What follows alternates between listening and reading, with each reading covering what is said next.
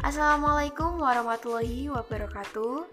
Yang terhormat Ibu Nunu Sriarjanti selaku Kepala SMP Negeri 2 Kaliwungu serta Bapak, Ibu Guru, staf tata usaha, dan warga sekolah yang saya banggakan.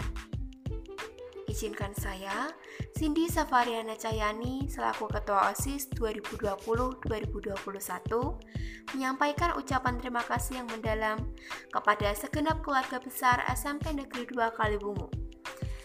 Berkat dukungan penuh dari pihak terkait, maka program kerja selama kepengurusan OSIS 2020-2021 telah terlaksana.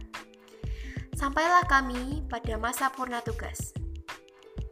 Tak terasa, sudah waktunya bagi pemilihan ketua OSIS periode 2021-2022 yang akan dilaksanakan pada hari Rabu 2 Februari 2022.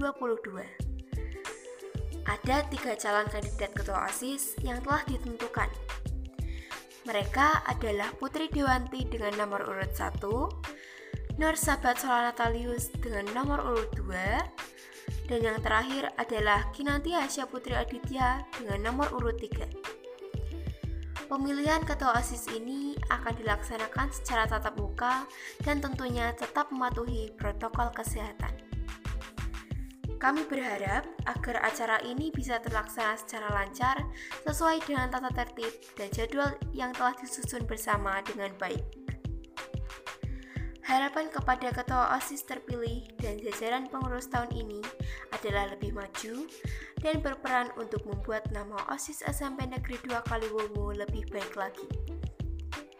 Semoga dapat melaksanakan program-program yang belum bisa dilaksanakan oleh pengurus OSIS sebelumnya dan dapat menciptakan ide-ide kreatif yang akan bisa membuat OSIS menjadi lebih menyenangkan. Mungkin hanya itu yang bisa saya sampaikan. Jangan lupa untuk tetap menjaga kesehatan dan mematuhi prokes di sekolah. Sekian, terima kasih. Wassalamualaikum warahmatullahi wabarakatuh.